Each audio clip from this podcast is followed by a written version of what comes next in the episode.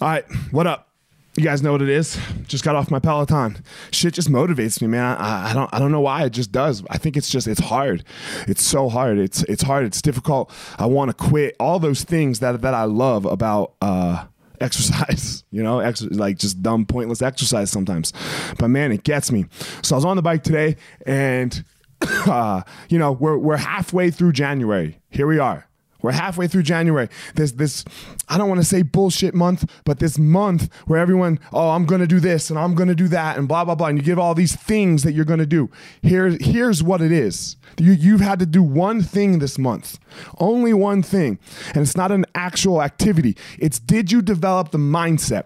Did you develop the mindset so that you can crush all year, not just January? It's a mindset thing. Go grab my buddy Ryan Harris, uh, Super Bowl champion, Denver Broncos, Super Bowl 50.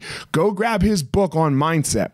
It's all your mindset. If you've developed the mindset to be able to go out there and do everything that you can, everything that you want, all of all that you're striving for, then you're going to do it. Sure, you might hit a bump in the road, but you're still going to say what he likes to say is I can, I will, right? I can, I will. If you can, then you will. And that's, man, that's what it is. That's the mindset. That's the mindset that you want to go out and have. So look, you're ha- we're halfway through this month where everyone says all these, all this shit you're going to do.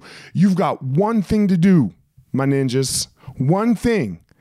Develop the mindset so that you can go out there and find your power.